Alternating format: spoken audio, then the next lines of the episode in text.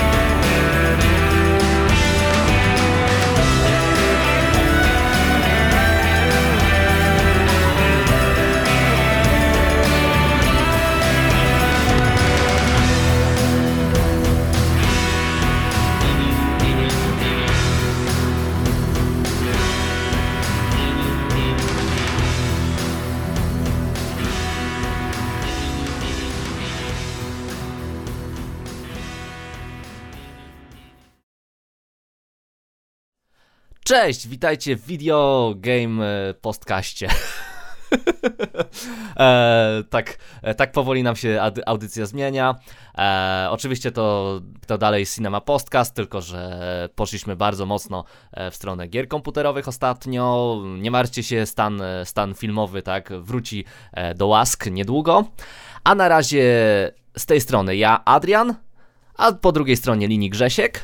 Cześć i będziemy omawiać drugą część serii Silent Hill oraz y, usłyszycie drugą część naszego przewodnika po gatunku zwanym Survival Horror. Eee, I co tu, chyba bez, bez zbędnych wstępów, jak już tak zapowiedziałem, i chyba już nie ma za bardzo o czym dyskutować, to powiem, że e, ja już mam za sobą drugą część Silent Hilla, chcę wam o niej dużo opowiedzieć, ale najpierw oddaję głos Grześkowi, żeby opowiedział, e, co się działo z survival horrorem po Silent Hillu 1, po 99 roku wydarzyło się sporo właśnie, bo mm, tak jak, tak jak mówiłem przy okazji poprzedniego podcastu, jeśli, jeśli go nie, nie słuchaliście, to koniecznie tam wróćcie, bo y, streszczam mniej więcej historię całego gatunku growego survival horroru. A kontynuując, Resident Evil zrobił furorę, Silent Hill to jeszcze, jeszcze bardziej podkręcił i, i gatunek naprawdę się rozwinął. Wcześniej przed erą y, pierwszego Rezydenta i, i Silent Hilla te surreal horrory, tak jak mówiłem w, poprzednim podcaście, w większości działy się w jednym zamkniętym pomieszczeniu, czy to było jakieś zamczysko, czy to była jakaś willa, czy, czy coś w tym stylu, a Silent Hill jako pierwszy, że tak powiem, wyszedł na miasto. I Resident Evil 2 też wyszedł na miasto, chociaż to miasto było bardzo fragmentaryczne, były, były konkretne tylko obszary. W Silent Hillu jednak mimo wszystko można było, też, też, było, też to nie było wiadomo otwarte miasto jak w jakimś GTA, ale, ale można było już zwiedzać więcej. Y, Resident Evil 3 dodał ten taki przełomowy element, y, że mm, pojawiła się postać Nemezisa. Nemezis to był taki stwór, który gonił właściwie głównego bohatera przez całą grę. Chodziłeś sobie po jakichś lokacjach i nigdy nie wiedziałeś, kiedy ci, kiedy ci on wyskoczy. To był jakiś wielki, ogromny stwór, który chciał zabić bohatera i to dodawało jeszcze więcej niepewności, czy, czy, gdzieś, się, czy gdzieś on się nie czai. Bo, bo wiadomo, takie pojedyncze, zwykłe, generyczne potwory już może nie robiły takiego wrażenia, a tak to y, nigdy nie wiedziałeś, kiedy czeka cię starcie z bossem czy ucieczka. Wiele gier to mm, później powtarzało, nawet nawet właściwie Resident nie był pierwszy, Resident Trójka nie był pierwszy z tego typu pomysłem, bo była taka seria y, Clock Tower, tylko, że pierwsze dwie części to były e, przygodówki point and click i tam też prowadzili postać takiego scissormana, który gonił bohatera, tylko, że no w formie przygodówki point and click nie stworzysz za bardzo napięcia. A y, trójka już, Clock Tower 3 już powstała w, w czasach PS2, więc y, zaraz do niej przejdę. Ale e, w każdym razie, no, trzy pierwsze Residenty i Silent Hill to jest takie zwieńczenie gatunku e, pierwszego PlayStation. No później przyszło drugie PlayStation i czasy drugiego Silent Hilla, czyli 2001 rok. Ale sobie o drugim Silent Hillu powiemy później szczegółowo, mm -hmm. więc go tymczasowo pominę. No, w kwestii Nemezisa też pewnie wrócimy. Mm -hmm. e, ciekawa tak, sprawa, bo tu tak, też, też bo, się bo... pojawia coś takiego. Mm -hmm ominę PlayStation troszeczkę bokiem i, i, przejdę do takiej gry jak Eternal Darkness z 2002 roku. Mm, to była gra, która pierwotnie ukazała się na konsolę Nintendo GameCube niezbyt popularną w Polsce, więc dostęp do niej był ograniczony. Teraz to chyba można też w nią zagrać na PC-cie.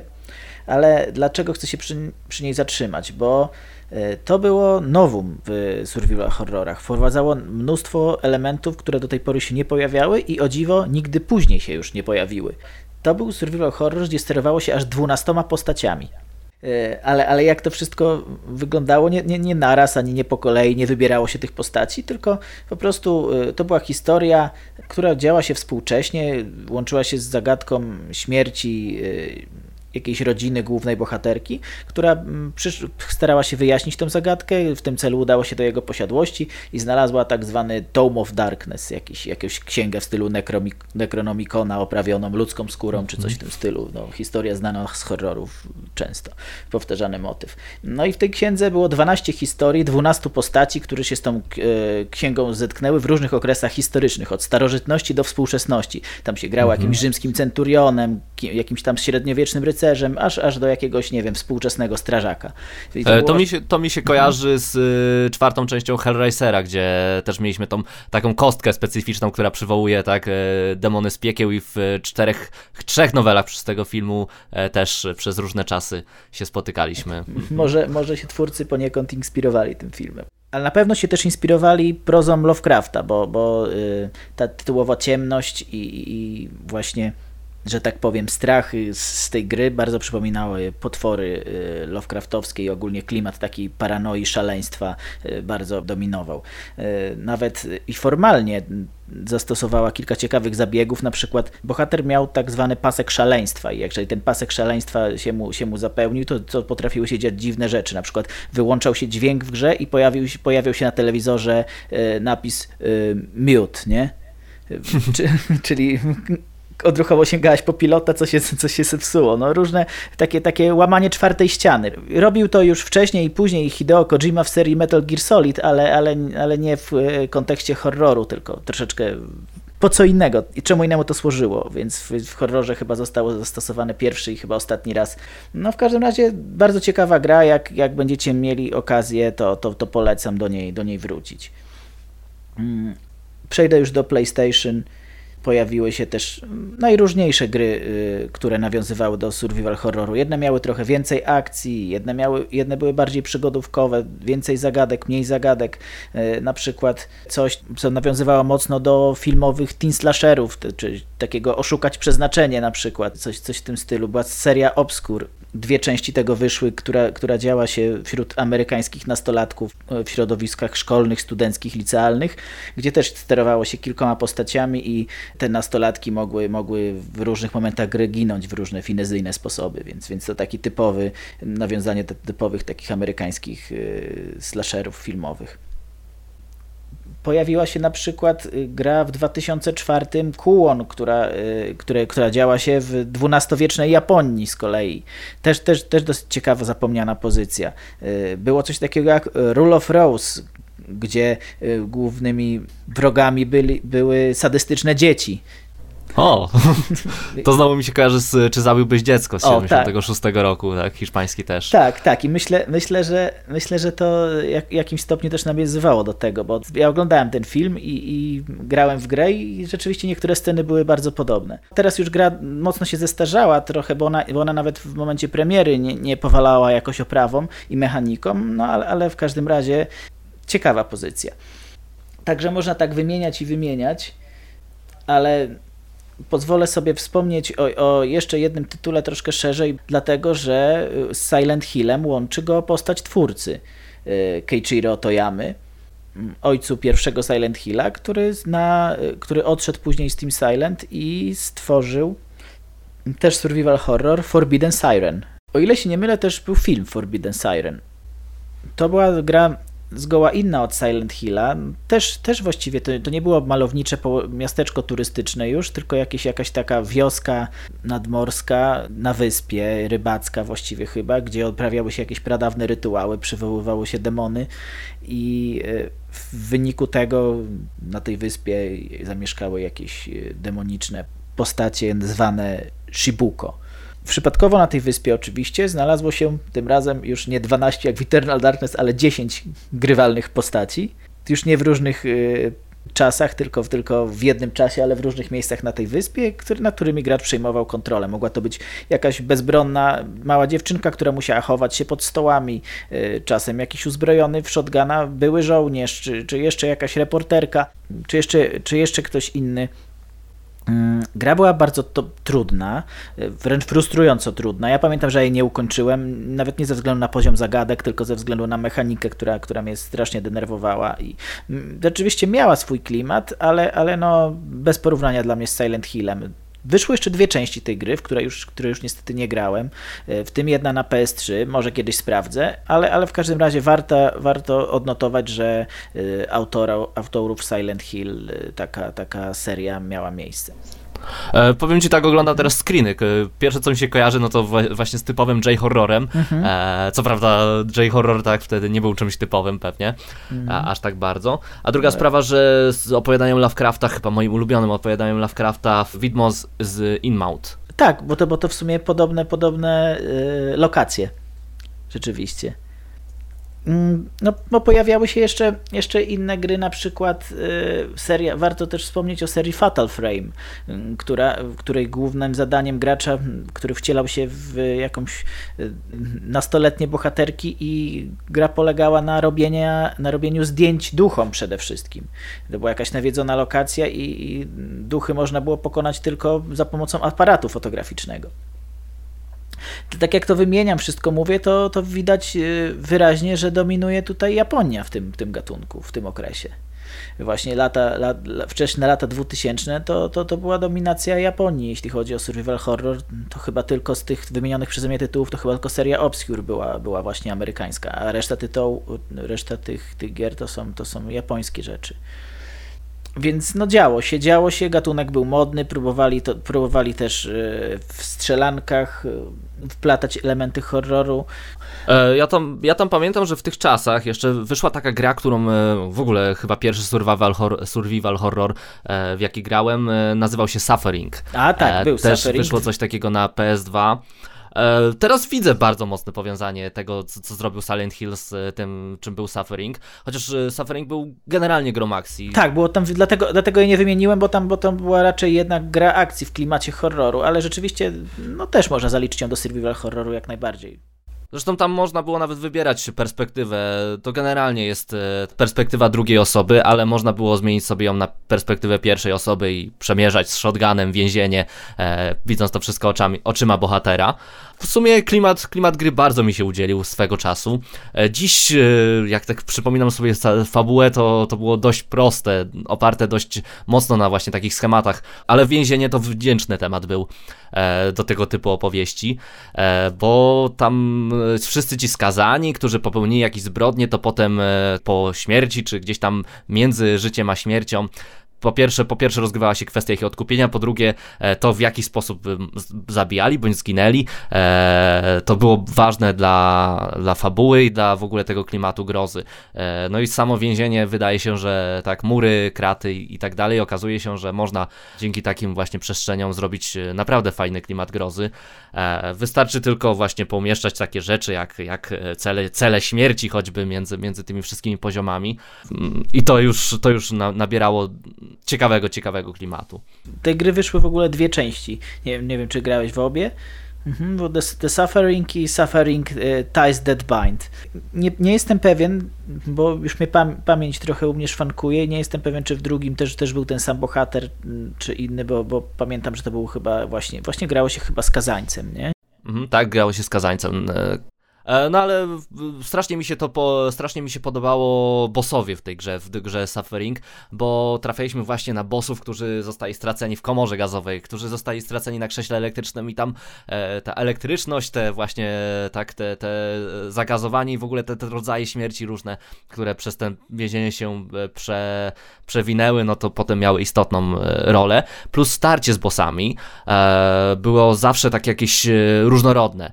E, ja będę o tym wspominał pewnie już, już teraz zdradzę, że w Silent Hillu dwójce na przykład starcia z bossami mi się nie podobają, bo mamy malutką przestrzeń i uciekanie po, po kątach, a tutaj każde starcie z sufferingu e, z bossem wiązało się z czasami nawet z rozwiązaniem jakiejś zagadki. E, nie, to, nie tylko trzeba było uciekać po jakiejś ograniczonej przestrzeni i strzelać. Tak, No. tak, to było bardziej, bardziej kreatywne chyba. Przy jednoczesnym podkreśleniu, że sama już rozgrywka między bossami, no to to było przechodzenie kolejnych lokacji, szczelanie do wszystkiego, co, co się da. Amunicja była nieograniczona, więc e, to tu już ten e, przedrostek survival, no to niestety nie znaczył tyle, co w tych Mało grach, go było e, tak, faktycznie. mhm, o których wspominasz. Mhm. Tak, a jeszcze właśnie teraz mi się przypomniało, że y, na PC jeszcze wcześniej, tylko muszę sprawdzić, który to był rok. Y, Aha, to był, to był rok 2000. Y, Wyszła trylogia Blair Witch, która też można śmiało określić survival horrorem. To już było po filmie. Film chyba jest z 99 roku. E, tak, zgadza się. Mhm. Mm, Czyli zaraz po filmie, bo to był październik 2000, wyszły właściwie trzy gry y, jednocześnie. Pamiętam, że mi się bardzo pierwsza część y, przynajmniej podobała. Ciekawie wprowadzała w klimat, bo to nie była ani strzelanka właśnie za bardzo, ani, ani jakaś taka typowa nudna przygodówka, znaczy nudna w sensie, mm, mia- która miała mało wspólnego stricte z, z budowaniem takiego typowo horrorowego klimatu. Mm, Poznawało się miasteczko, y, wioskę i jej mieszkańców i dopiero, i dopiero y, stopniowo poznawało się działalność właśnie Wiedźmy. Także, także fajne, ciekawe to było bardzo połączenie właśnie horroru z, z grą przygodową. To się, to, się działo, to się nie działo współcześnie, tylko działo się jakoś w okresie pierwszej, nie, w okresie chyba drugiej wojny światowej mniej więcej. Gdzieś w jakiejś małej mieścinie. Kolejne, kolejne części trylogii już nie były takie ciekawe, przynajmniej mnie nie wciągnęły. Też już, to już się działy w innych latach, już chyba jeszcze wcześniej. No ale w każdym razie uzupełniały trochę film y, o, o tajemnice wiedźmy właśnie Blair, bo... Oj, to, to mało powiedziane. Film po, po prostu tylko i wyłącznie gdzieś tam e, zapożyczył motyw, motyw tak, jakichś morderstw Mhm. i legendy wiedźmy Blaira polegał e, pra, praktyce na tym, że latali po prostu po lesie z, kamer- z kamerą. Tak, Nie prawda. ukrywajmy tego. Tak, tak. Ra, raczej, raczej tam film za bardzo żadnej mitologii własnej nie, nie tworzył, rzeczywiście. No a gry pod tym względem są znacznie bogatsze, wi- więc jeśli tam archaizmy wam nie przeszkadzają, to też, też polecam przynajmniej po pierwszą część sięgnąć, bo, bo to też to jest kawał klimatycznej roz, rozrywki. No, rozrywki powiedzmy. No dobrze. Myślę, że myślę, że na tym, na tym skończę y, mój wywód na temat survival horrorów początków, y, początków XXI wieku. Mm, Pewnie jak będziemy sobie omawiać trzecią część, to przejdziemy już do, do współczesnych bardziej rzeczy, bo mm, gatunek y, po, po czwartym rezydencie się, się bardzo zmienił. Ja już chyba o tym wspominałem w ostatnim podcaście. Ale cały czas gatunek istnieje i teraz w tej chwili, ja ty- tylko powiem tak krótko, że, że z powrotem ma się coraz lepiej. No a teraz przejdźmy do clue mm, tego odcinka, czyli mojej, powiem od razu, mojej ulubionej y, gry, obok Final Fantasy VII, mojej ulubionej gry w ogóle ze wszystkich ever.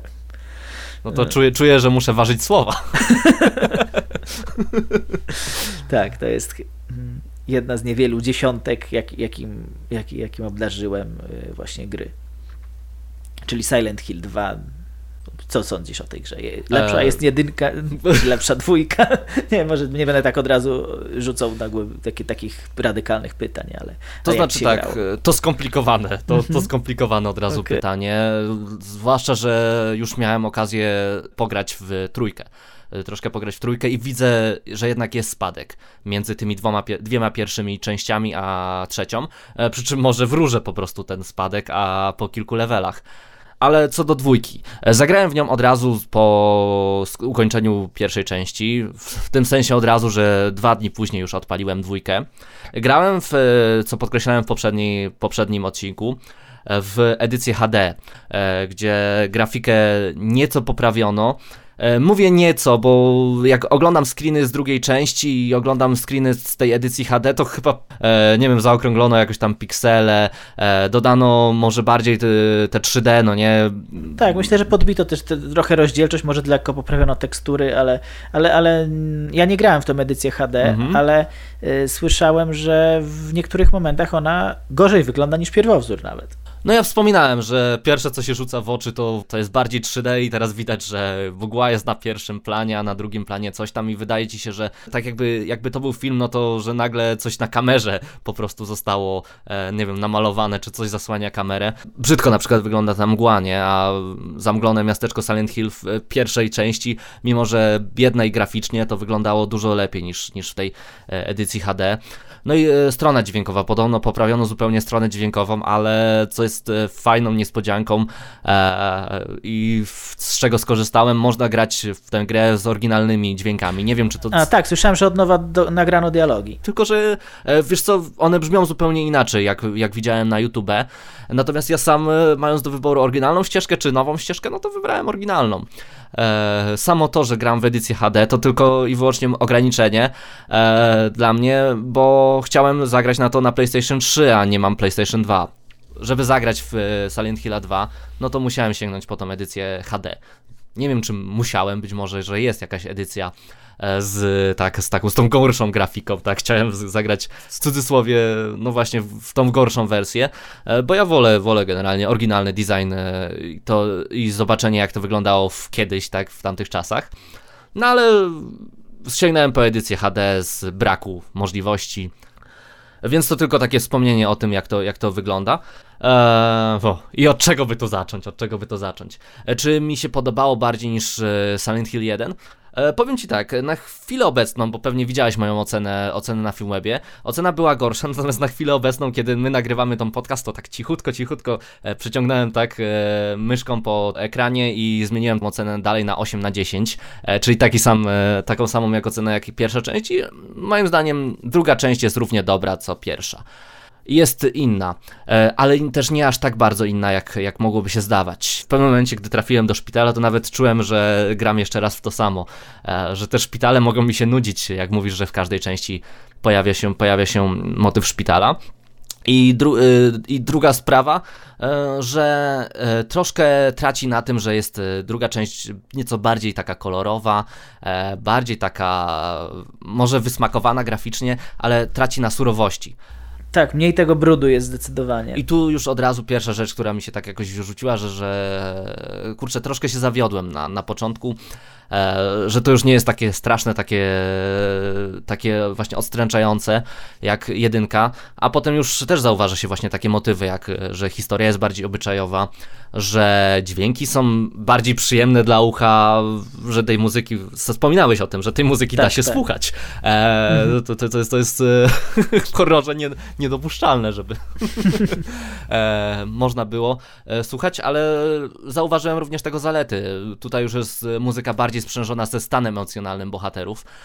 Właśnie, bo to jest taka w ogóle bardziej melancholijna część. Tak, jeśli oni właśnie wpadają w melancholię, bądź nawet są szczęśliwi, e, być szczęśliwym w horrorze to też nie, pasu, nie pasuje, nie wypada, ale wtedy po prostu muzyka robi się e, weselsza, bądź, e, bądź smutniejsza, ale nie robi się noisem, który gdzieś tam drapie, tak, to jakieś drapanie po tablicy no, nożem. E, przy czym jednocześnie, gdy już jesteśmy tak w połowie gry, to wszystko, co wydawało nam się wadą w stosunku do pierwszej części, e, zdaje się, że jest na miejscu, e, bo to po prostu pasuje, pasuje do klimatu tej historii. Historia jest autentycznie inna. Sposób operowania symboliką jest inny i tym przydługim właściwie wstępem co do różnic przyznam, że to jest równie dobra gra co pierwsza część, i przejdę po prostu do fabuły, żebyście wiedzieli w ogóle z czym mamy do czynienia. E, pokrótce tylko. Silent Hill 1 to była historia Harry'ego Masona, który poszukuje córki w e, tajemniczym miasteczku i musi się zmierzyć ze swoją przeszłością. E, przeszłość i dwa oblicza, to jest bardzo ważny motyw, widzę w Silent Hill. Dwa oblicza w ogóle bohatera, człowieka, to co, czego on pragnie wewnątrz, a co zdaje nam się być na początku tajemnicą. I e, z tym, z tym właśnie motywem zostawiam e, Was e, przy wprowadzeniu do Silent Hilla 2, gdzie poznajemy Jamesa Sunderlanda. Główny bohater, tu już strasznie fajny motyw, otrzymuje list od żony. E, no okej, okay, dzisiaj, dzisiaj się pisze rzadziej listy, wtedy się pewnie pisało często. Ja obserwuję e, ile tych listów idzie, więc okej. Okay. Nic by, by nie było... jeszcze ktoś wysyła, tak? Tak, jeszcze ktoś wysyła. Nic nie byłoby w tym dziwnego, gdyby nie to, że jego żona zmarła 3 lata temu. I w tym momencie główny bohater, główny bohater, który jest e, tak trzy lata po śmierci żony, nadal nie może się z tym pogodzić, otrzymuje list od ukochanej, za którą tak bardzo tęskni. I ona informuje go w tym liście, e, że czeka na niego w ich specjalnym miejscu w miasteczku Silent Hill. I główny bohater e, po prostu pełen nadziei, ale również pełen przerażenia taką sytuacją, wyrusza do tego miasteczka, zostawia samochód na jakimś pobliskim parkingu i rusza, żeby eksplorować e, te miejsce, te tajemnicze miejsce w poszukiwaniu żony, natrafiając na kolejne wskazówki prowadzące właśnie do tego spotkania. No a w międzyczasie, jak wiadomo, spotyka tajemnicze postaci. E, już mówiliśmy w pierwszej części, że postaci w Silent Hill są bardzo charakterystyczne, mają swoją przeszłość, mają swoją historię. I e, James będzie zmuszony, e, czy tego chce, czy nie, poznać te mroczne sekrety również innych osób przybyłych do tego miasteczka. I tutaj też właśnie są przybysze, y, właściwie dwójka przybyszy. Tak, e, no i również mieszkańcy, mieszkańcy Silent Hill. Rozgrywka. Rozgrywka wygląda tak samo akurat e, jak w Tak, pierwszej się za wiele, za wiele się w mechanice samej nie zmieniło. Cały czas jest, cały czas topornie się, y, się biega i walczy, tak? e, można w zasadzie tak powiedzieć, e, jeśli, jeśli uprościmy sprawę. Na pewno trzeba przypomnieć, że dysponujemy latarką, e, dysponujemy radiem, które ostrzega nas, jak zaczyna bzyczeć, tak, jak zaczynają jakieś zakłócenia się robić w tym radyjku. E, takim małym, e, małym tak, na, do kieszonki e, sobie można włożyć w koszuli i ono zaczyna zakłócenia właśnie emitować, to wiadomo, że zbliżają się przeciwnicy. W tej kwestii zmieniono tyle, że przeciwnicy, gdy się nie poruszają, a są tacy przeciwnicy, którzy potrafią się ukryć gdzieś w rogu i się w ogóle nie poruszać, to to radyjko nas nie ostrzega przed nimi. Więc mogą z nienacka wyskoczyć Mhm. czasami. Może być tak, że poruszając się gdzieś w ciemności, e, za nami nagle po prostu oberwiemy po głowie i wtedy dopiero zacznie brzyczeć radio. E, skuteczny jumpscare, e, autentycznie, no i e, to też bywa coraz częściej tak, że jak zwiedziłem jakąś lokację i wracam do niej, to nagle dopiero wtedy pojawiają się przeciwnicy. Skuteczny jumpscare, dałem się nabrać nieraz, e, okazuje się, że gra jeszcze potrafi mnie przestraszyć. E, W drugiej części, i na co narzekałem właśnie w pierwszej części, przeciwnicy, których spotykamy w Silent Hill, autentycznie są bardziej ludzcy, mają ludzkie kształty, przy czym czasami nie mają e, na przykład głowy ani rąk, e, więc e, nie bardzo przywiązujcie do tego, ale natomiast mają nogi. Albo mają zbyt dużo kończyn. Tak, mają zbyt dużo tak, nóg, więc e, są to dalej powyginane takie ciała, ale to, na co narzekałem w pierwszej części, e, nie mamy żadnych jakichś dziwnych zwierzątek, e, które uciekły z jakiegoś koszmarnego zoo z B-klasowego horroru. Mamy przeciwników, których nawet da się uzasadnić e, podczas interpretacji, e, przynajmniej tak, co wyczytałem, e, co, czego sam nie odkryłem. Natomiast e, przeciwnicy są bardziej ludcy, przez co jest e, zupełnie, zupełnie fajniejsza ta roz, rozgrywka. Pasują, tak? Pasują do tego świata, pasują do rozgrywki, w ogóle wydają się na miejscu. No i druga sprawa, co, co rzuciło mi się w oczy. Silent Hill 2 w samej kwestii samej rozgrywki jest mniej grom akcji. e, I na, narzekałem na to też e, w pierwszej części, że Silent Hill 1 jest za bardzo grom akcji. Trzeba czasami za, za, dużo, za dużo pokonać tych przeciwników. Tymczasem dwójka e, mam wrażenie, że owszem, na początku musimy zwiedzić miasteczko i musimy zwiedzić, zwiedzić blok mieszkalny, e, w którym na każdym korytarzu są jacyś przeciwnicy, e, co jest kłopotliwe, żeby wszystkich ubić albo przez wszystkimi uciec. E, Czasami trzeba przejść te pokoje kilkanaście razy, więc lepiej, lepiej ich wszystkich wyszczelać. Ale po jakimś czasie to miasteczko pustoszeje, robi się coraz bardziej klimatycznie, jest coraz więcej zagadek, coraz więcej fabuły. I to nie jest już taka gra, która jest, e, nie wiem czy, czy ty tak też wspominasz, ale to nie jest gra tak bardzo e, naładowana akcją jak, jak pierwsza część. Oczywiście. Tak, zdecydowanie, zgadzam się z tobą. Mhm. I tutaj duży, duży plus do, dla dwójki, duży plus e, dla dwójki, bo jak sam wspominałem, to nie jest takie naturalne, że poszukujesz, poszukujesz zmarłej żony i rozwiązujesz zagadki, a w międzyczasie, w międzyczasie jeszcze musisz być superherosem z filmu akcji i pozabijać milion postaci. Tutaj przymusowych starć z takimi tabunami wrogów jest stosunkowo niewiele, z tego co pamiętam. Ostatni raz grałem kilka lat temu, więc, więc tak, mimo, mimo że grałem w grę chyba z 7 razy, ale mm, mimo wszystko nie przypominam sobie jakichś takich masowych starć. Tutaj e, tylko mówię, ten level w vlogu mieszkalnym, który jakoś tak e, mnie osz... Miał najwięcej tych Mhm. Nawet nie, nie, tyle najwięcej, co miał najwięcej pokoi, w, e, jeśli chodzi o lokacje, e, które trzeba zwiedzić. Tak, i prawie w każdym czaił się jakiś mhm. potwór, powiedzmy. Tak, to, to, to też co, co, mówiłem, że trzeba kilka razy odwiedzić czasami te pokoje no, i lepiej jednak, na, jak na korytarzu jest trzy potwory, to lepiej je zabić, bo wiadomo, że przez ten korytarz trzeba będzie przejść 10 razy jeszcze. E, więc e, to co wspominałem, nie wiem, nie wiem czemu, ale chyba amunicja mi się rzadziej kończyła i ta gra była dużo łatwiejsza. ta gra jest chyba łatwiejsza ogólnie, mhm. no, mi się, Na poziomie normal przynajmniej, e, to ja się czułem jakbym w ogóle, nie była ziemia, tak, w porównaniu z Silent Hillem 1, gdzie musiałem na zagadki marnować mnóstwo czasu. Tutaj w zagadka z wisielcem, kto grał ten wie, Zajęło mi chyba najwięcej czasu i to było 15 minut. W porównaniu z zagadkami, które półtorej godziny do dwóch godzin mi zajmowały w pierwszej części, no to to jest, e, a tobie tydzień. Właśnie. E, więc e, to jest... Rzeczywiście tutaj też się przy żadnej zagadce zbyt długo nie zatrzymałem, więc jest różnica. Ale co ważne dla naszych słuchaczy, Silent Hill 2 jest również bardziej właśnie filmem. Jest bardziej fabularny, bardziej symboliczny w takim filmowym właśnie wydaniu. I dzięki temu to, że jest za łatwo, jakoś tak e, nie bardzo nam przeszkadza. E, tak, bo, bo scenariusz, sama historia nas najbardziej do przodu popycha. Mhm. E, może co prawda tu jest mniej historii miasteczka, ale no ją dostaliśmy już w pierwszej części w bardzo dużej ilości, więc to jest odskoczne. Tak, bo to jest bardziej taka osobista jednak, jednak historia naszego bohatera i, i jego rodziny.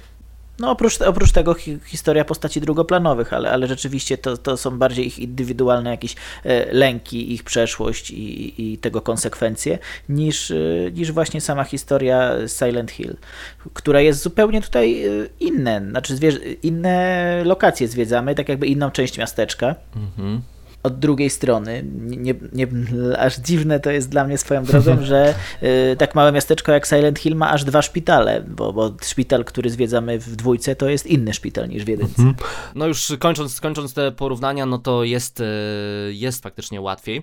Chyba więcej, chyba nawet częściej właśnie ta gra jest nastawiona na e, spotykanie postaci. Zwłaszcza, że te postaci tu już jest troszkę inaczej niż e, w pierwszej części.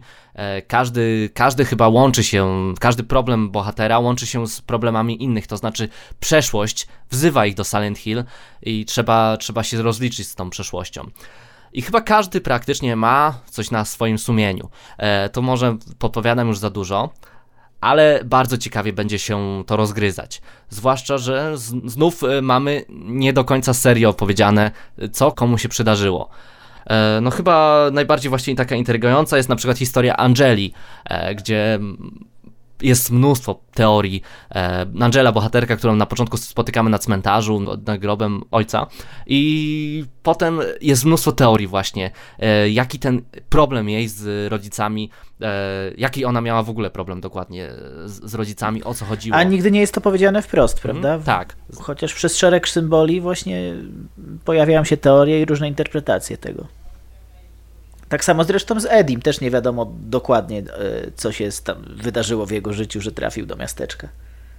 E, oczywiście, oczywiście w notatkach, które tam będziemy przemierzać to miasto i będziemy poznawać również notatki na tablicach, plakatach, e, w wierszach, w jakichś tam, e, w jakichś tam szeptach, które słyszymy w ciemności to oczywiście będziemy również łączyć jakieś e, kolejne, to wszystko z kolejnymi historiami e, miasteczka, przeklętego miasteczka. E, to jest odwieczny archetyp nawiedzonego miejsca, że tam przez miasteczko przeszło mnóstwo osób i każdemu wydarzyło się właśnie coś złego. No ale mimo wszystko właśnie ta historia i głównego bohatera jest, jest tutaj równie ważna. Okej, okay, jeszcze cię chciałem zapytać, mhm. bo wspomniałeś o, o, przeciwnikach, wspomniałeś o postaciach, a, a ja wcześniej przy okazji Rezydenta Trójki mówiłem, że, że pojawiła się tam postać Nemezis, mhm. I, i, a tutaj też jest, też jest taki, można powiedzieć boss, nie boss, ale prześladowca głównego bohatera, tak zwany piramidogłowy, który, który jest ikoną serii. Tak zawsze kojarzyłem z piramidogłowem e, mhm. tę serię i aż się Aha. zdziwiłem, że w pierwszej części w ogóle się nie pojawił, a Tak, bo raczej filmy, filmy go tak e, wylansowały może bardziej jako, jako jakiegoś takiego uniwersalnego dla, dla całej serii przeciwnika, a okazuje się, że on jest przeciwnikiem tylko i wyłącznie dla, dla Jamesa właśnie, z konkretnego mniej więcej powodu, tak. E, brzmi absurdalnie, piramidą głowy, wygląda tak samo, gość, gość ma piramidę zamiast głowy, no. E, możecie się uśmiechnąć na początku, ale pierwsze spotkanie z nim i zbliżenie się za bardzo to skończy się poszatkowaniem na kawałki. I faktycznie to jest taka postać, którą spotykamy kilka razy w grze. Oczywiście nigdy nie będziemy się spodziewać kiedy, gdzie, jak, natomiast e, no, trzeba będzie uciekać, bądź e, jakoś unikać starcia z nim. E, ewentualnie, ewentualnie właśnie wyładować w niego cały magazynek, żeby przynajmniej nie zbliżał się do nas zbyt blisko. Ja myślałem, że to jest właśnie jakiś taki absolutnie główny boss. To nie jest jedyny powód, z jakim będzie, jedyny problem, z jakim będzie musiał się zmierzyć James, bo jego powodem głównym to chyba nie jest żadną tajemnicą, jest właśnie problem, tak? Problem i to, dlaczego trafił w ogóle do miasteczka. Wszystko przez kobietę. Wszystko przez kobietę, tak? E, więc e, piramidą głowy nie straszny w obliczu takich problemów. tak. E, fajny motyw, fajny motyw. Co, co, co, mogę, co mogę nadmienić na minus? Co na początku mnie właśnie wybiło? Okej, okay, tu jest lepszy scenariusz, tu, tu jest dużo fajniejszy, fajniejsza e, właśnie warstwa fabularna, ale ta gra mi się wydaje nie tylko łatwiejsza w kwestii zagadek, bo one już zupełnie nie, nie przysparzają problemów. E, to również e, starcia z bossami, które ograniczają się w zasadzie do malutkiej przestrzeni. E, już nie mówię o samym piramidogłowym, bo jego na początku w ogóle nie będziemy mogli pokonać. Ile starcia z kolejnymi bossami, które ograniczają się do malutkiej przestrzeni, tak, malutkich pokoików i musimy uciekać tylko po bokach i, i strzelać do nich. Tak, no tutaj ci bossowie, jest ich mniej też chyba niż w jedynce, z tego co pamiętam. I faktycznie pod względem mechaniki te, te starcia rzeczywiście no, pozostawiają trochę do życzenia, bo późniejsze gry z serii, o ile, o ile są jako, jako gry są gorsze faktycznie, to jednak y, miewają bardziej pomysłowe te pojedynki. Mhm. I e, ja tu chwalę, że fajniej operuje ten, e, ta gra z symboliką, ale też e, to wytłumaczenie, jakie znajduję w sieci, to, to nie do końca mi się to wszystko dopełnia. Być może o tym wspomnimy w jakiejś strefie spoilerowej. Tak, bo będę chciał parę powiedzieć rzeczy spoilerowych jeszcze. Ale kurczę, jak mówiłem, że gra pierwsza część jest zawiła jakąś taką dziwną historią rodem z komiksu japońskiego, e, tak druga część e, jest e, może nieco mniej zawiła w, sensie, w sensie powiązań między postaciami, co one symbolizują moralnie, nie do końca mi się wydaje tak jasne. No. Plus dwoistość, dwoistość postaci. Silent Hill też zawsze ma dwa oblicza, no nie? E, chociaż tutaj, chociaż tutaj e, to oblicze już nie jest takie właśnie rdzawe i związane e, stricte z, z pożarem, chociaż też, też mamy jedną lokację, która jest stricte związana z tym pożarem, który nawiedził tą miejscowość, tę miejscowość. Mhm, tak, jakoś nie, nie wiem, chyba tego fabularnie nie jest bezpośrednio sugerowane, ale mam wrażenie, że tu alternatywna wersja miasteczka wygląda bardziej podmokło, jakby się kojarzy mi z powodzią. Tak, no zresztą mamy nawet łódka, zresztą będzie, będzie kilka razy używana przez bohatera, w zależności też czasami jakie zakończenie, e, tak, na jakie zakończenie trafimy. Tak, tak, bo zakończeń znowu jest kilka. Tylko, że tym razem y, troszeczkę inaczej e, się je zdobywa niż w pierwszej części. Bo to jest też ciekawe, że, że, bardzo długo czekałem, aż postać będzie miała jakiś wybór. I okazuje się, że przez całą grę e, ja nie zauważyłem wyborów, jakie mo mo mogę dokonać jako postać. Dopiero po jakimś czasie, e, gdy, kiedy przeczytałem jakieś poradniki do tej gry, to okazało się, że ja cały czas byłem, e, byłem mogłem wybierać między kilkoma opcjami.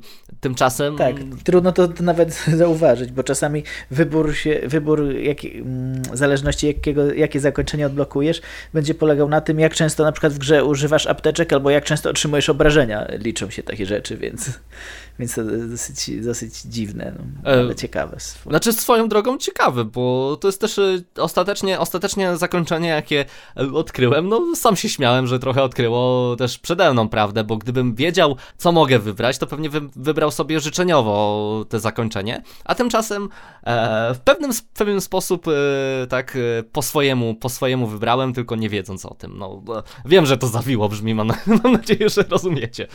O, o czym mówię. Więc y, mój styl działania przełożył się jakoś na postać. To w jakiś sposób wiąże się z tym, jak kreujemy postać. W grze pojawiają się też y, momenty znienawidzone przez graczy, zresztą we wszystkich grach, y, momenty misji, że tak powiem, eskortowych. Po mm -hmm. prostu musimy jakąś, jakiejś postaci, jakąś postać eskortować, przemieścić się z nią gdzieś i nie dopuścić lub dopuścić do tego, żeby atakowały, atakowali przeciwnicy. I to też, to też na przykład ma, ma związek z zakończeniem, więc, więc każdy właściwie takie, takie niepozorne, nie, nie, różne niepozorne działania okazują się tutaj ważne. Swoją drogą te misje eskortowe to przynajmniej wniosły trochę naturalności do drugiej części, bo w pierwszej części e, to też było dziwnie, że spotykaliśmy całe mnóstwo postaci. Po każdej cutscence e, ta postać musiała uciec gdzieś, wyjść tak. gdzieś, albo okej, okay, dobra, to ja idę sobie dalej, nie? Zamiast e, spotkaliśmy w nawiedzonym miasteczku kogoś, to zamiast iść z nim gdzieś, razem ra zawsze raźniej, e, to one, oni sobie bez powodu po prostu szli w każde w, swoje stron, w swoją stronę. Tak, a tutaj, tutaj jednak y, są momenty, gdzie podróżuje się we dwójkę. Dalej, dalej mimo wszystko to jest y, kwestia, kwestia chodzenia od pokoju do pokoju, zbierania przedmiotów. Tu też mnie denerwowało, że to jest y, zbyt łatwe, bo nie pamiętam, żebyśmy mieli więcej niż trzy przedmioty na, jednocześnie. Wydaje mi się, że w pierwszej części przynajmniej nie było to aż tak łatwe też, gdzie dany przedmiot umieścić. Tak, a tutaj raczej jak już zdobyłeś przedmiot i widziałeś miejsce, gdzie, gdzie możesz go umieścić, to nie było wątpliwości, że, że to pasuje do tego, tak? Tak, zgadza się.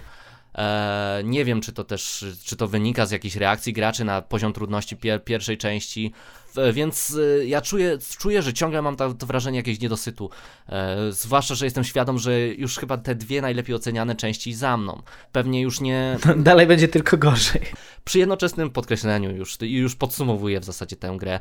E... Chociaż jeszcze, wiesz co, jeszcze wtrącę mhm, jedną no. rzecz, bo mówisz, jest jedna część serii, która przez fanów została przyjęta średnio, ale, ale, ale ja ją lubię zaraz po dwójce, się nazywa Silent Hill Shattered Memories, ona wyszła tylko na, na PS2 e, i ona jest niejako remake'iem pierwszej części, bo, bo znowu się szuka córki, ale, ale to jest taki bardzo specyficzny remake, bo w ogóle e, ramą tej całej opowieści jest wizyta u psychologa. I psycholog diagnozuje ciebie, postać przy okazji, jako gracza.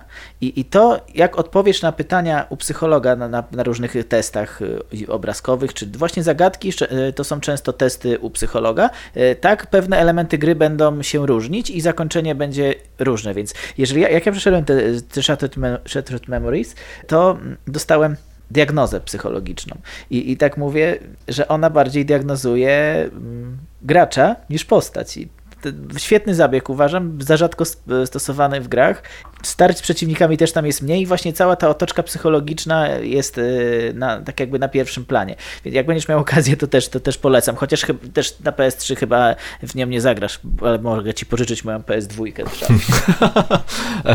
bo mam w szafie właśnie. A wiesz co, że mo może skorzystam, albo poczekam, bo pojawiły się, widzę ostatnio coraz częściej, coraz więcej jest klasyki PS2, pojawiają się w sklepie PS Store. No tak, Będę mówił jeszcze o tej serii, jak się zmieniała później, ale, ale tak tutaj w kwestii te, tych wyborów gracza i, i, e, tak jakby diagnozowania bardziej, e, bardziej gracza niż postaci, to chciałem nawiązać i dlatego stąd przywołałem te Shattered Memories. W drugiej części też to widzę, że tak, tak podchwytliwie po prostu ta gra e, mnie pytała, co, co ja wolę. Sam mogłem się ustosunkować do postaci i nawet przebywać z nimi daną, daną, dany czas.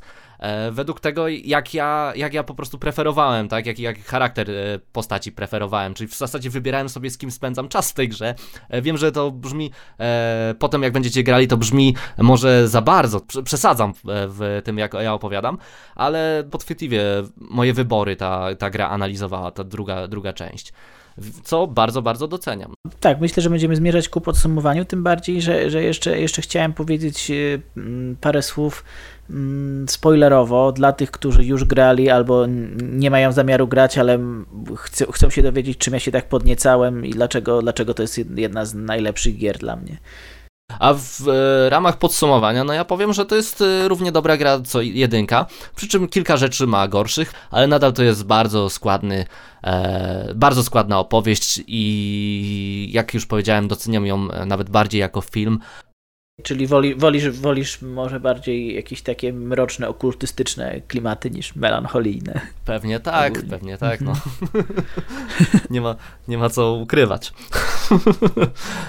No, ale, tak już też w kwestii podsumowania, no właśnie, skąd, skąd zachwyt? Czy, czy, czy e, dla was, dla was graczy, fanów Silent Hilla e, to nie był jednak pewien zawód, że ta gra właśnie opuściła takie mroczne rejony, e, że bardziej skupiła się na historii obyczajowej, już nie zarywaliście tyle nocy na zagadkach? To jest mniejsze wyzwanie, ale... Mm dla mnie Silent Hill zawsze był opowieścią przede wszystkim, opowieścią właśnie o ludziach i ich wewnętrznych lękach, a tutaj to sprawdziło się dla mnie idealnie, bo, bo właśnie te, te wszystkie okultystyczne rytuały, przyzywanie jakichś, jakichś pradawnych bóstw, demonów i, i, i, tak dalej, to, to dla mnie było zawsze na drugim planie, a na, na pierwszym był dramat bohatera. Fani takiego stricte horrorowego podejścia może, może mogli poczuć się odrobinę zawiedzeni skupieniem się na bardziej obyczajowej stronie opowieści, ale dla mnie to jest akurat jej największy atut, no bo ja nigdy fanem horroru jako takiego nie byłem. Lubię takie historie blisko człowieka i może, może, dla, może stąd mój zachwyt. Mm, chociaż cały czas ja, ja, nie mówię, że gra nie jest horrorem, bo jest i to tak jak powiedziałeś, potrafi cały czas przerazić i, i zbudować jakiś tam odpowiedni klimat, ale, ale może no nie jest tak brudna, mroczna i odrażająca jak jedynka. No, co tam kto lubi, no jest obrażająca moim mhm. zdaniem, przy jednoczesnym okay. tym fakcie, że tak to jest bezpieczne podziwianie odrazy. Mhm.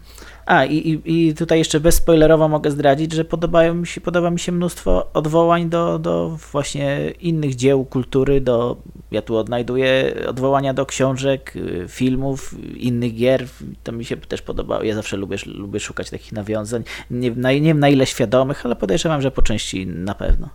Na przykład, na przykład nie wiem, czy, czy zauważyłeś yy, scenę zbliżoną do Blue Velvet? E, wiesz co, że nie tyle zauważyłem, co wyczytałem potem. Na początku ci nie skojarzyła, tak? Tak, na początku mi się nie skojarzyła, no ale skojarzenie jest słuszne, absolutnie słuszne, tak. E, to, to chyba właśnie, jeśli już mówimy o obrzydliwościach, to chyba najobrzydliwsza scena z całej gry. E, tak, no. jedna chyba z całej serii, ale, ale faktycznie. Okej, okay. czyli polecamy polecamy, no absolutnie trzeba mhm. zagrać. E... Nawet dzisiaj i się jakoś broni. Znaczy, bo ja zawsze, ja tak mówię, bo, bo mm, ja rzadko wracam do, do starych gier. Teraz raczej nie gram w gry z, w, z ery pierwszego czy drugiego PlayStation. E, ty akurat e, fajnie podoba mi się twoje podejście, że, że, że sprawdzasz te, te wszystkie mm, kultowe klasyki, że tak powiem, od początku, bez, bez upiększeń, bez remake'ów, takie jakie były i, i, mierzysz się z tą, z tą mechaniką, która dzisiaj może wydawać się toporna i no, szanuję takie Ale wiesz, ja też nigdy nie dotarłem do tej nowej mechaniki, bo no właśnie. nigdy nie przekroczyłem progu zwanego PlayStation 4 nigdy nie przekroczyłem e, progu zwanego współczesna, współczesna gra w ogóle, no mój komputer ile mam? Patrzę na niego, tak wygląda na 5 lat, więc... Czyli więc... jaka była naj, najnowsza taka, można powiedzieć, wysokobudżetowa gra, w jaką grałeś, tak cię zapytam offline, że tak powiem. Ja bardzo mało grałem, więc to też czasem mi głupio, że to dosłownie to ile grałem, to się sprowadza do... Far Cry pewnie. Far Cry 3 to jest najnowsza gra, w jaką grałem w ogóle, tak. no. E, nie wiem ile on ma lat, ale no nie wiem, nie wiem jak wygląda współczesny rynek gier. I owszem, owszem, y, widzę, widzę też, że te gry tak mają swoje niedostatki. Na przykład y, Silent Hill 2 wydaje mi się bardziej liniowe niż y, jedynka. E, w tym sensie, tak. że owszem, mamy wpływ na zakończenie, ale jednocześnie e, sama rozgrywka polega w sumie na chodzeniu wytyczoną ścieżką. Przykład. No raczej tak. Już podsumowaliśmy, a jeszcze wracam do trybu rozgrywki, ale przypomniałeś ważną rzecz. Przykład jest taki, jak wchodzimy do właśnie do jakiegoś blokowca, do jakiegoś apartamentu, pokoje, które są najbliżej wejścia, to je najlepiej zwiedzić najpierw. E, więc e, owszem, są takie momenty, kiedy, musi, kiedy się zgubimy i musimy gdzieś tam wracać, ale generalnie to jest tak intuicyjnie położone, żebyśmy za dużo nie latali, żeby gracz za bardzo się nie namęczył, a jest ryzyko, jest problem, jest zabawa. A wiesz, że w chwili premiery gracze narzekali tam na zbyt długie wędrówki, takie puste, na przykład bez przeciwników. Na przykład jedna z pierwszych tak jakby wędrówek, że tak powiem, po lesie, jak jeszcze się, jak się dociera do miasteczka, podobno wynudziła już wielu graczy i odrzuciła od gry, zanim dotarli właśnie do, do, właściwy, do właściwego miasteczka, albo mm, niekończące się schody na przykład. Też wielu zirytowały wiesz, ja jako... A, mnie, a, dla mnie to świetnie budowało klimat. Tak, muzyka tam jest, e, cały czas w ogóle poznajemy w ogóle koloryt tej gry, to, to jak wygląda klimat. E, nie mogę na to narzekać. Rozumiem, że gracze niektórzy się irytowali, ale to, to chyba tylko znaczy, że to nie jest gra dla nich. Nie bez powodu to jest gra przygodowa e, z elementami akcji bądź gra akcji z elementami przygodowymi. Nie, nie bez powodu to jest taki miks. E, trzeba, trzeba być świadomym, że już zaczynając grać w taką grę, no to pojawią się dłużyzny, pewne dłużyzny. Choćby, choćby w momencie zagadki, kiedy trzeba przystanąć. No. A co dopiero, co dopiero w momencie w tych spacerków. Więc, Więc jeśli miałbym się denerwować, to tylko i wyłącznie na to, że ja y, pierwszego Silent Hilla grałem z PlayStation y, ściągniętego, tak, na konsolę, natomiast drugiego, drugiego grałem z płyty e, i moment wczytywania to, to było coś, co, co mnie zirytowało bardziej, że dłużej się wczytywało. To jedyne, jedyna rzecz, która mi się kojarzy ze słowem czekanie w tej grze bo samo, same za długie schody, czy e, tak przechadzka po miasteczku była już super. I co? Strefa spoilerowa.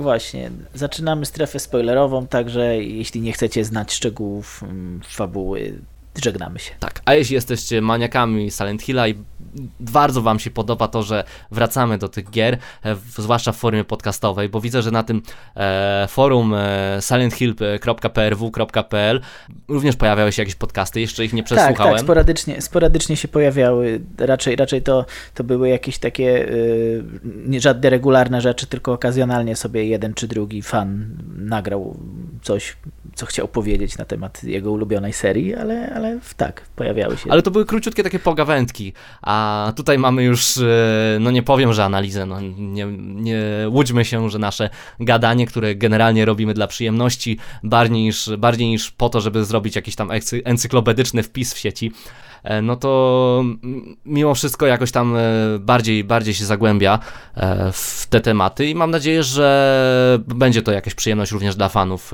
tej serii. Roz, rozdrabniamy tę grę, grzebiemy w kolejnych jej komponentach. No. Jasne, nawet jeśli to nie będzie dla, dla nich nic, nic nowego, to myślę, że fajnie sobie przypomnieć. I dla was jest ta strefa spoilerowa. No. Mhm. No a tych, którzy byli z nami nie ch i chcą dopiero zagrać Silent Hilla, bądź nie chcą, ale chcą posłuchać co to jest, bo nie lubią gier, albo nie mają czasu, no to e, żegnamy Was, pozdrawiamy serdecznie, trzymajcie się, słuchajcie podcastów i heja. Trzymajcie się, cześć. A to jeszcze nie koniec, to także spoilery, no. tak, tak. Dobra, spoilery. Tak, lecimy.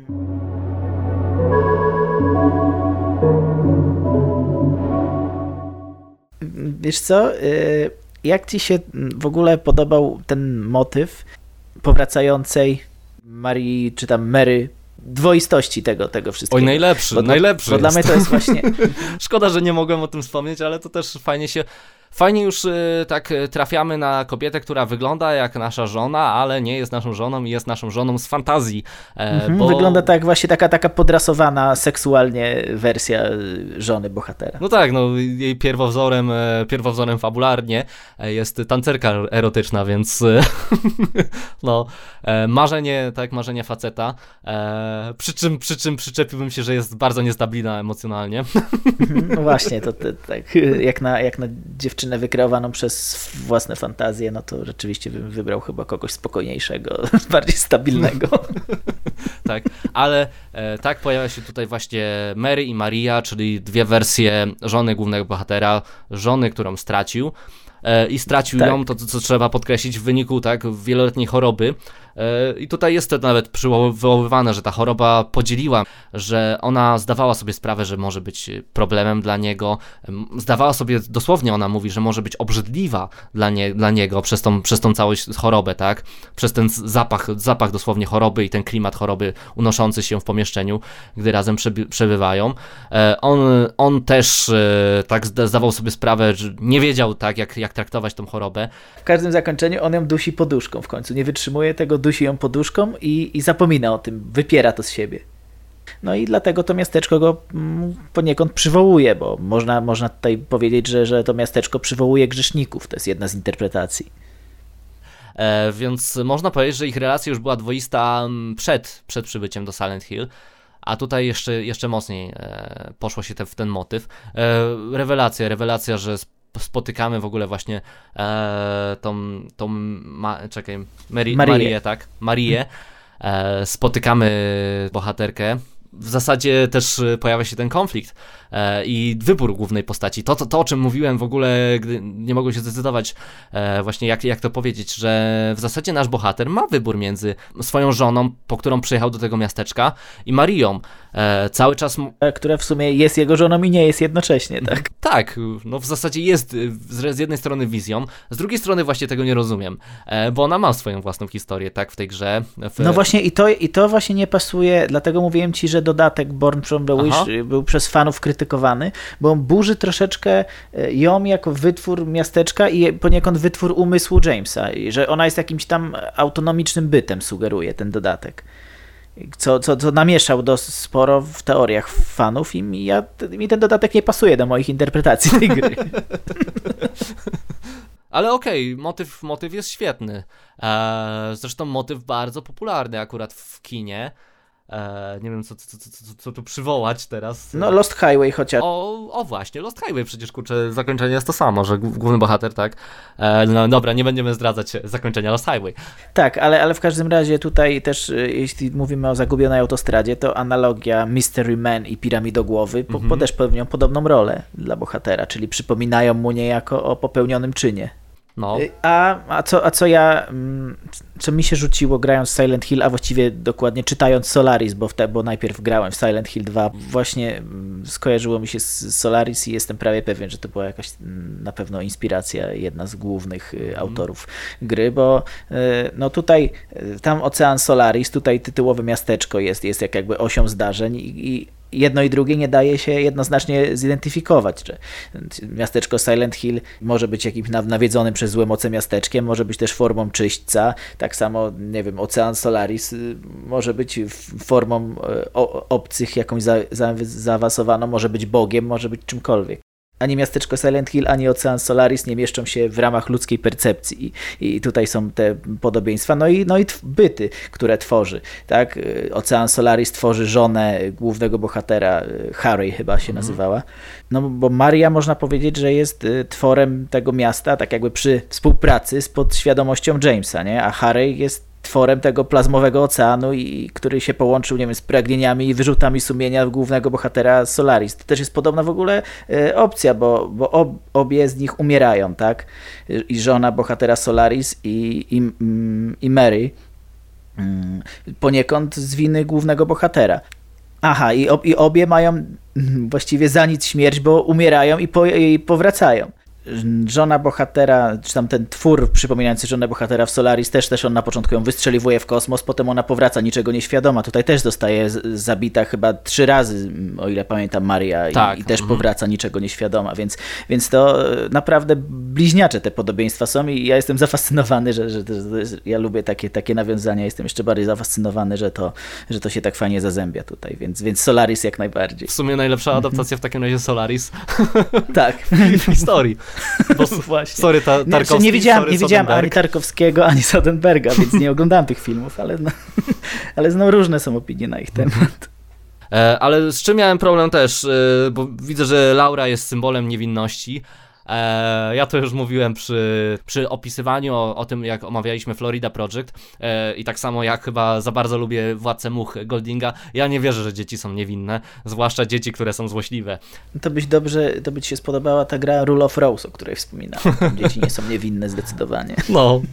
E, nie to, że nie lubię dzieci. Bo, bo tam ta gra sugeruje, że po prostu dzieci mają z natury sadystyczne skłonności i tylko to, że, że mają małą siłę fizyczną sprawia, że, że nie posuwają się do jakichś tam... Genera generalnie... Bo nie mają jeszcze wykształconej moralności, tak? Tak, generalnie z Władcą Much to się e, wiąże i tutaj też mamy Laurę, która... O, Ona też nie jest święta, prawda? Tak, która też nie jest święta, tymczasem widzę, że jest opisywana w internecie jako jakiś właśnie symbol niewinności, jedyną, jedyną postać, która trafiła e, bardziej do Silent Hill przez wspomnienia niż przez e, jakąś swoją winę. Trudno mi się zgodzić z tą interpretacją. Ona jest tutaj troszkę. Ona jest trochę złośliwa rzeczywiście, ale no chyba nie, nie ma wyraźnie powiedziane, żeby mogła trafić do miasteczka przez coś, co, co zrobiła, czy przez jakiś, jakiś czyn czy grzech, który, który popełniła, bo Zresztą jedno z zakończeń, chyba najbardziej pozytywne zakończenie, jakie można zdobyć, sugeruje, że ona odchodzi z, z tego.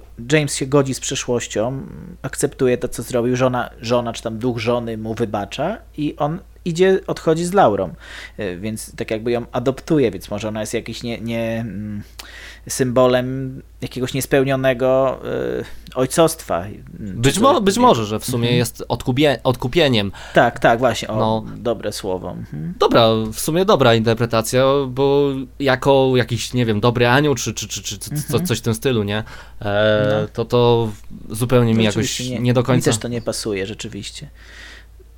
No więc, więc tutaj... Y uważam, że to jest konsekwentniej mimo wszystko gra poprowadzona niż, niż część pierwsza, że um, to są to jest cały czas na, na etapie wszystko symbolicznym, jest, jest tam jakiś, jest, jest to surrealizm w pewnym stopniu dosyć duży, ale, ale jednak e, tą historię jakoś moim zdaniem bo się można łatwiej poskładać i sprawniej niż, niż pierwszą część, gdzie, gdzie, gdzie jest już e, odjechana w taki, jak powiedziałeś właśnie mhm. poprzednio, japoński sposób. Tak. Bardzo. To znaczy, no ja, ja to rozdzieliłem, że e, czy to jest kons bardziej konsekwentne, to nie jestem pewien, bo my tu dużo gdybamy na temat motywacji postaci.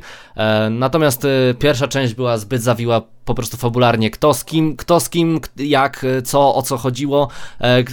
Koneksje, były, one, one były do, pewnie do jakiegoś, do jakiegoś powiązania, dało się to wszystko sensownie powiązać i połączyć, ale, ale to było rzeczywiście zbyt zawiłe, jak, jak, jak w jakimś takim y, y, kryminale, gdzie już w pewnym momencie nie wiesz, nie wiesz kto z kim kolaboruje. Mhm. Ale y, po, powiem tylko, że jak będziesz grał w trzecią część, to ona się zazębia z, z pierwszą i wtedy łatwiej zrozumieć jedynkę mm, po, po trójce. O. Bo to jest kontynuacja bezpośrednia. W takim razie ja zaraz pewnie po tym podcaście i tak e, lecę do trójki, lecę do konsoli. Albo montuję od razu, tak? To jest wersja dla słuchaczy. Od razu montuję dla was, specially for you, tak? No. Nie wiem, nie wiem y, w jakim odstępie od y, podcastu o części pierwszej go słuchacie, ale, ale w każdym razie zapraszamy do jakimś tam, po jakimś kolejnym czasie do trzeciego. Mhm, tak. Bo będzie. Będzie, będzie. Ale wrócimy do filmów też, nie mhm. martwcie się. To już niedługo. Już e, tak. w tym miesiącu już jest jeden festiwal zaplanowany. No, mhm. to tak zdradzę tylko tajemnicę. E, dobra, w takim razie żegnamy naszych spoilerowych słuchaczy. Trzymajcie się, żegnajcie e, i do zobaczenia w następnym podcaście. Heja! Cześć!